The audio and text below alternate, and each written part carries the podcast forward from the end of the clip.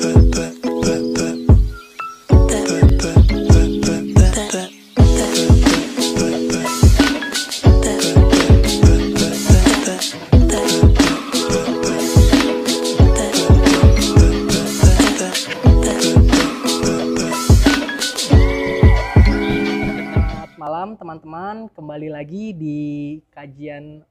Ruang Dialogika di mana di sini kita masih mengkaji teks NDP tetapi kita telah memasuki bab kedua yaitu dasar-dasar kemanusiaan dan pada kali ini kita memasuki kajian sesi ke-11 yang di mana temanya itu adalah hatiku dan hatimu sesuai dengan teks NDP bab 2 kali ini kita akan membahas mungkin paragraf 1 dan paragraf 2 dan masih bersama dengan Bang Andito Swiknyo.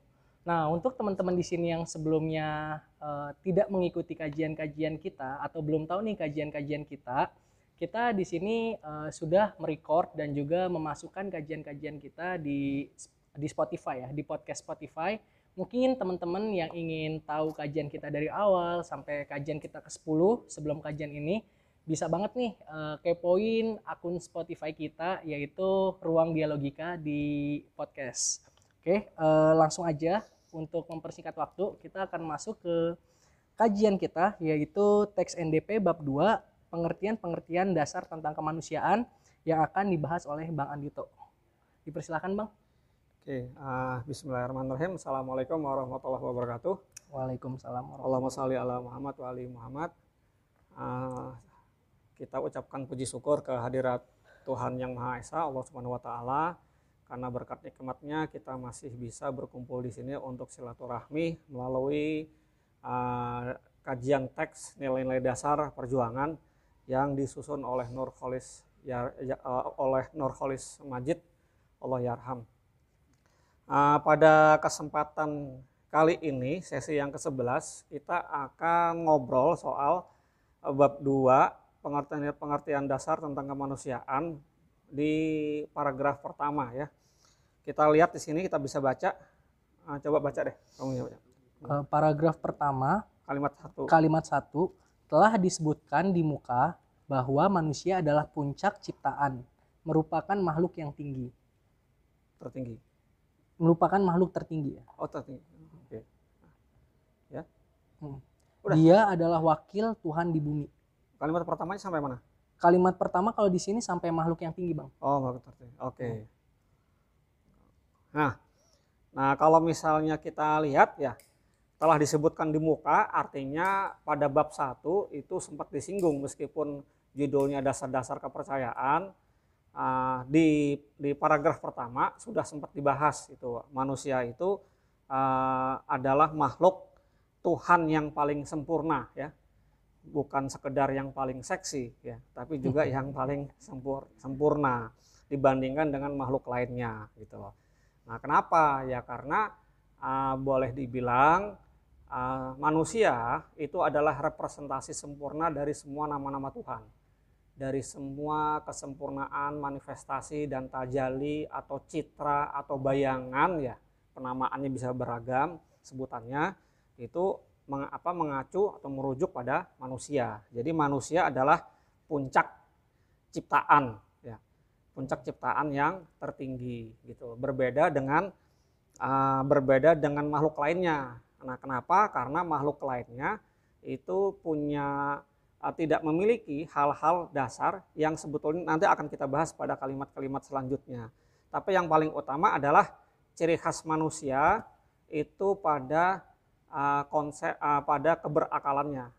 Jadi manusia itu sebetulnya adalah hewan sama dengan hewan, artinya makhluk hidup yang bergerak, ya kan? Cuma perbedaannya kalau hewan itu bergerak karena insting, karena stimulus respon dari eksternal, sedangkan manusia itu bergerak karena berpikir, karena bernalar. Jadi kebernar apa? Jadi keberpikirannya itulah yang membedakan manusia dengan hewan. Jadi manusia yang benar sesuai dengan tujuan ciptaan adalah manusia yang bernalar atau berpikir, bukan memakai insting. Kalau insting itu tendensinya ke ke syahwat, ke pemenuhan jasmani gitu. Ya kan sedangkan manusia punya kreasi lebih dari itu. Itu. Terus teks berikutnya itu kalimat berikutnya dia adalah wakil Tuhan di bumi. Nah, dia adalah wakil Tuhan di bumi. Wakil itu artinya representasi atau mandataris, ya kan? Atau bukan anggota parlemen, ya. Jadi, wakil juga, tapi beda. Nah, tapi kalau tapi wakil itu artinya apa? Artinya dia uh, apa menggantikan sesuatu, sesuatu sesuatu yang dia gantikan itu namanya wakil gitu loh. Nah, yang namanya wakil dengan yang diwakilkan itu harus punya kesejajaran. Kesejajaran. Jadi kalau misalnya ada orang misalnya maaf ya, misalnya ada orang pintar ya kan, maka wakilnya harus punya kesetaraan dalam kepintaran. Tapi kalau misalnya yang diwakilkan tuh orang bodoh, tidak bisa baca tulis, maaf maaf ya, just juga misalnya apa berlaku maksiat, ya dia bukan wakil, ya enggak yang ada adalah memfitnah, malu-maluin. Nah, gitu loh. Ya kan? Jadi tujuan manusia sebagai makhluk ciptaan yang tertinggi, makhluk tertinggi karena apa? Karena dia bisa mewakili seluruh manifestasi uh, ketuhanan. Ya, uh, seperti itu. Sebentar, ini menarik nih, Bang. Ya. Uh, tadi kan Abang bilang uh, yang mewakilkan dan yang diwakilkan itu harus memiliki kesetaraan. Ya. Nah, berarti uh, jika kita merujuk pada teks di sini yaitu dia adalah wakil Tuhan di bumi, dia yang dimaksudkan itu adalah manusia nih ya bang. Ya. Berarti uh, kalau sesuai dengan penjelasan abang itu manusia itu memiliki kesetaraan dengan Tuhan itu dalam hal apa nih bang? Apa dalam hal kuasa atau dalam hal lain-lainnya gitu? Karena kan tadi abang di sini memberikan analogi jika memang ada orang yang pintar, perwakilannya itu juga memang harus pintar gitu. Nah, Uh, tapi di sini kan konsepnya tidak bisa kita samakan antara Tuhan dan manusia itu sendiri, Bang. Jadi mungkin bisa dijelaskan gitu. Uh, di sini maksud dari kesetaranya itu dalam hal apa gitu kesetaraan dalam hal yang pertama minimal eksistensinya. Eksis, eksistensi Tuhan dengan eksistensi manusia itu sama kecuali bahwa Tuhan itu pencipta, manusia diciptakan. Hmm. Gitu. Jadi sama-sama ada. Jadi kok jadi keberadaannya nanti kalau dalam kajian selanjutnya kita akan lihat bahwa keberadaan Tuhan dengan keberadaan manusia itu sebetulnya sama hmm, berkaitan berkaitan jadi tidak pernah ada ruang kosong itu jadi sama nah cuma ya kan balik lagi tadi ya kan manusia diciptakan ya nggak dengan dengan seluruh kualitas yang berbeda dengan makhluk lainnya karena hmm. itu dia merepresentasikan ya nggak merepresentasikan apa punya kelebihan-kelebihan yang lain ya dibandingkan dengan makhluk lainnya gitu loh. Uh, Oke, okay. mungkin kita akan masuk ke kalimat berikutnya ya, Bang. Sesuatu yang membuat manusia menjadi manusia bukan hanya beberapa sifat atau kegiatan yang ada padanya, melahirkan suatu keseluruhan susunan sebagai sifat-sifat dan kegiatan-kegiatan yang khusus dimiliki manusia saja, yaitu fitrah. Oke, nah jadi kalau kita lihat sesuatu yang membuat manusia menjadi manusia, jadi artinya ada manusia yang menjadi bukan manusia, nah, kan gitu. Ya kan? Secara fisik dia lahir dari manusia tapi perilakunya bukan manusia. Hmm. oke ya kan? Jadi kalimat sesuatu yang membuat manusia menjadi manusia ya kan? Dalam hmm. artian manusia yang mengaktualisasi seluruh potensinya yang berbeda dengan makhluk lainnya yaitu konsep nalar dan dan berpikirnya ya kan? Bukan hanya beberapa sifat atau kegiatan yang ada padanya ya kan? Nah bukan hanya beberapa sifat artinya bukan hanya mengandalkan hal-hal dasar yang dia miliki. Ya kan? Bahwa manusia itu juga punya naluri, ada iya. insting sama dengan hewan. Naluri itu apa sih? Ya gak? Naluri itu sesuatu yang sifatnya melekat karena unsur jasmani. Naluri berarti nah. responsibilitas ya, Bang. Ya, jadi misalnya kayak manusia itu dan hewan juga itu kan pasti makan. Hmm. Jadi naluri naluri manusia ditempatkan di satu tempat pada satu waktu pasti butuh makan. Itu tuh nalurinya, ya nggak? Tidak perlu ya. dikasih tahu, tidak perlu ada timer segala macam. Hewan juga gitu, gitu loh. Nah, kalau kalau misalnya manusia hanya mengandalkan makan, ya berarti ya nggak beda dengan hewan. Nah, terus misalnya contoh lain, nalurinya tuh manusia adalah tidur. Jadi artinya dalam satu kondisi setelah manusia beraktivitas dia tidur atau istirahat. Perlu istirahat. Ya kan? Merelaksasi seluruh organ tubuhnya. Apa beda dengan hewan? Sama. Gitu loh. Nah, jadi sekedar makan ya enggak dan sekedar tidur ya kan itu kan cuma sebagian saja dari sifat jasmani manusia nah itu tidak membuat manusia lebih dari makhluk lainnya malah malah lebih rendah karena seharusnya kan kualitasnya lebih tinggi aktualitasnya tapi dia malah sekedar malah menurunkan derajatnya pada kegiatan yang lebih rendah gitu sama dengan hewan lainnya. Nah, melainkan suatu keseluruhan susunan. Artinya keseluruhan susunan adalah sesuatu yang menyeluruh menjadi khas. Menjadi khas seperti yang tadi kita ulangin di apa yang tadi kita sebut di kalimat pertama ya nggak? Manusia itu kan sebetulnya hewan. Ya kan itu genusnya tuh Ya kan? Nah, diferensiasi diferensiannya apa? Pembedaannya. Ya kan? Apakah dia itu sahwat sama hewan juga sahwat, berkembang, berkembang juga, bergerak, bergerak juga. Nah, maka harus ada ciri khas yang tidak dimiliki oleh selainnya. Berakal. Ya, itu berakal hmm, gitu ya. loh. Yang bahkan malaikat pun nggak punya. Nah, hmm. gitu. Oke ya. Nah, berakal itu salah satu adalah mengkreasi. Nah, dia punya dia punya dia punya kemampuan mengkreasi, menciptakan, dia punya tujuan Ya kan ketika mengkreasi kan berarti dia punya tujuan terhadap apa yang dia kreasi, dia ciptakan. Nah, tujuannya itulah yang berbeda dengan makhluk lainnya. Jadi manusia berbeda dengan makhluk lainnya, ya enggak? Dia punya tujuan yang hasil pilihan sendiri. Ikhtiar dia sendiri. Hmm, iya.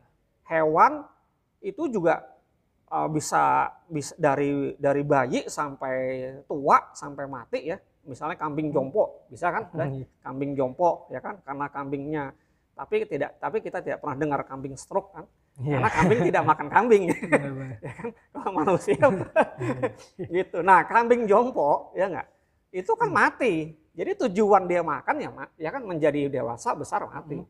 lah manusia juga sama ya enggak dia punya hmm. tujuan tujuan makan apa berkembang segala macam cuma dia punya tujuan yang lebih yang lain artinya tujuan itu merupakan pilihannya sendiri saya memilih iya. makan tiga kali sehari untuk apa saya saya belajar untuk apa? Nah, tujuannya hmm. itu hasil pilihan sendiri. Hmm. Bukan ditentukan atau didesain atau dikondisikan oleh faktor eksternal.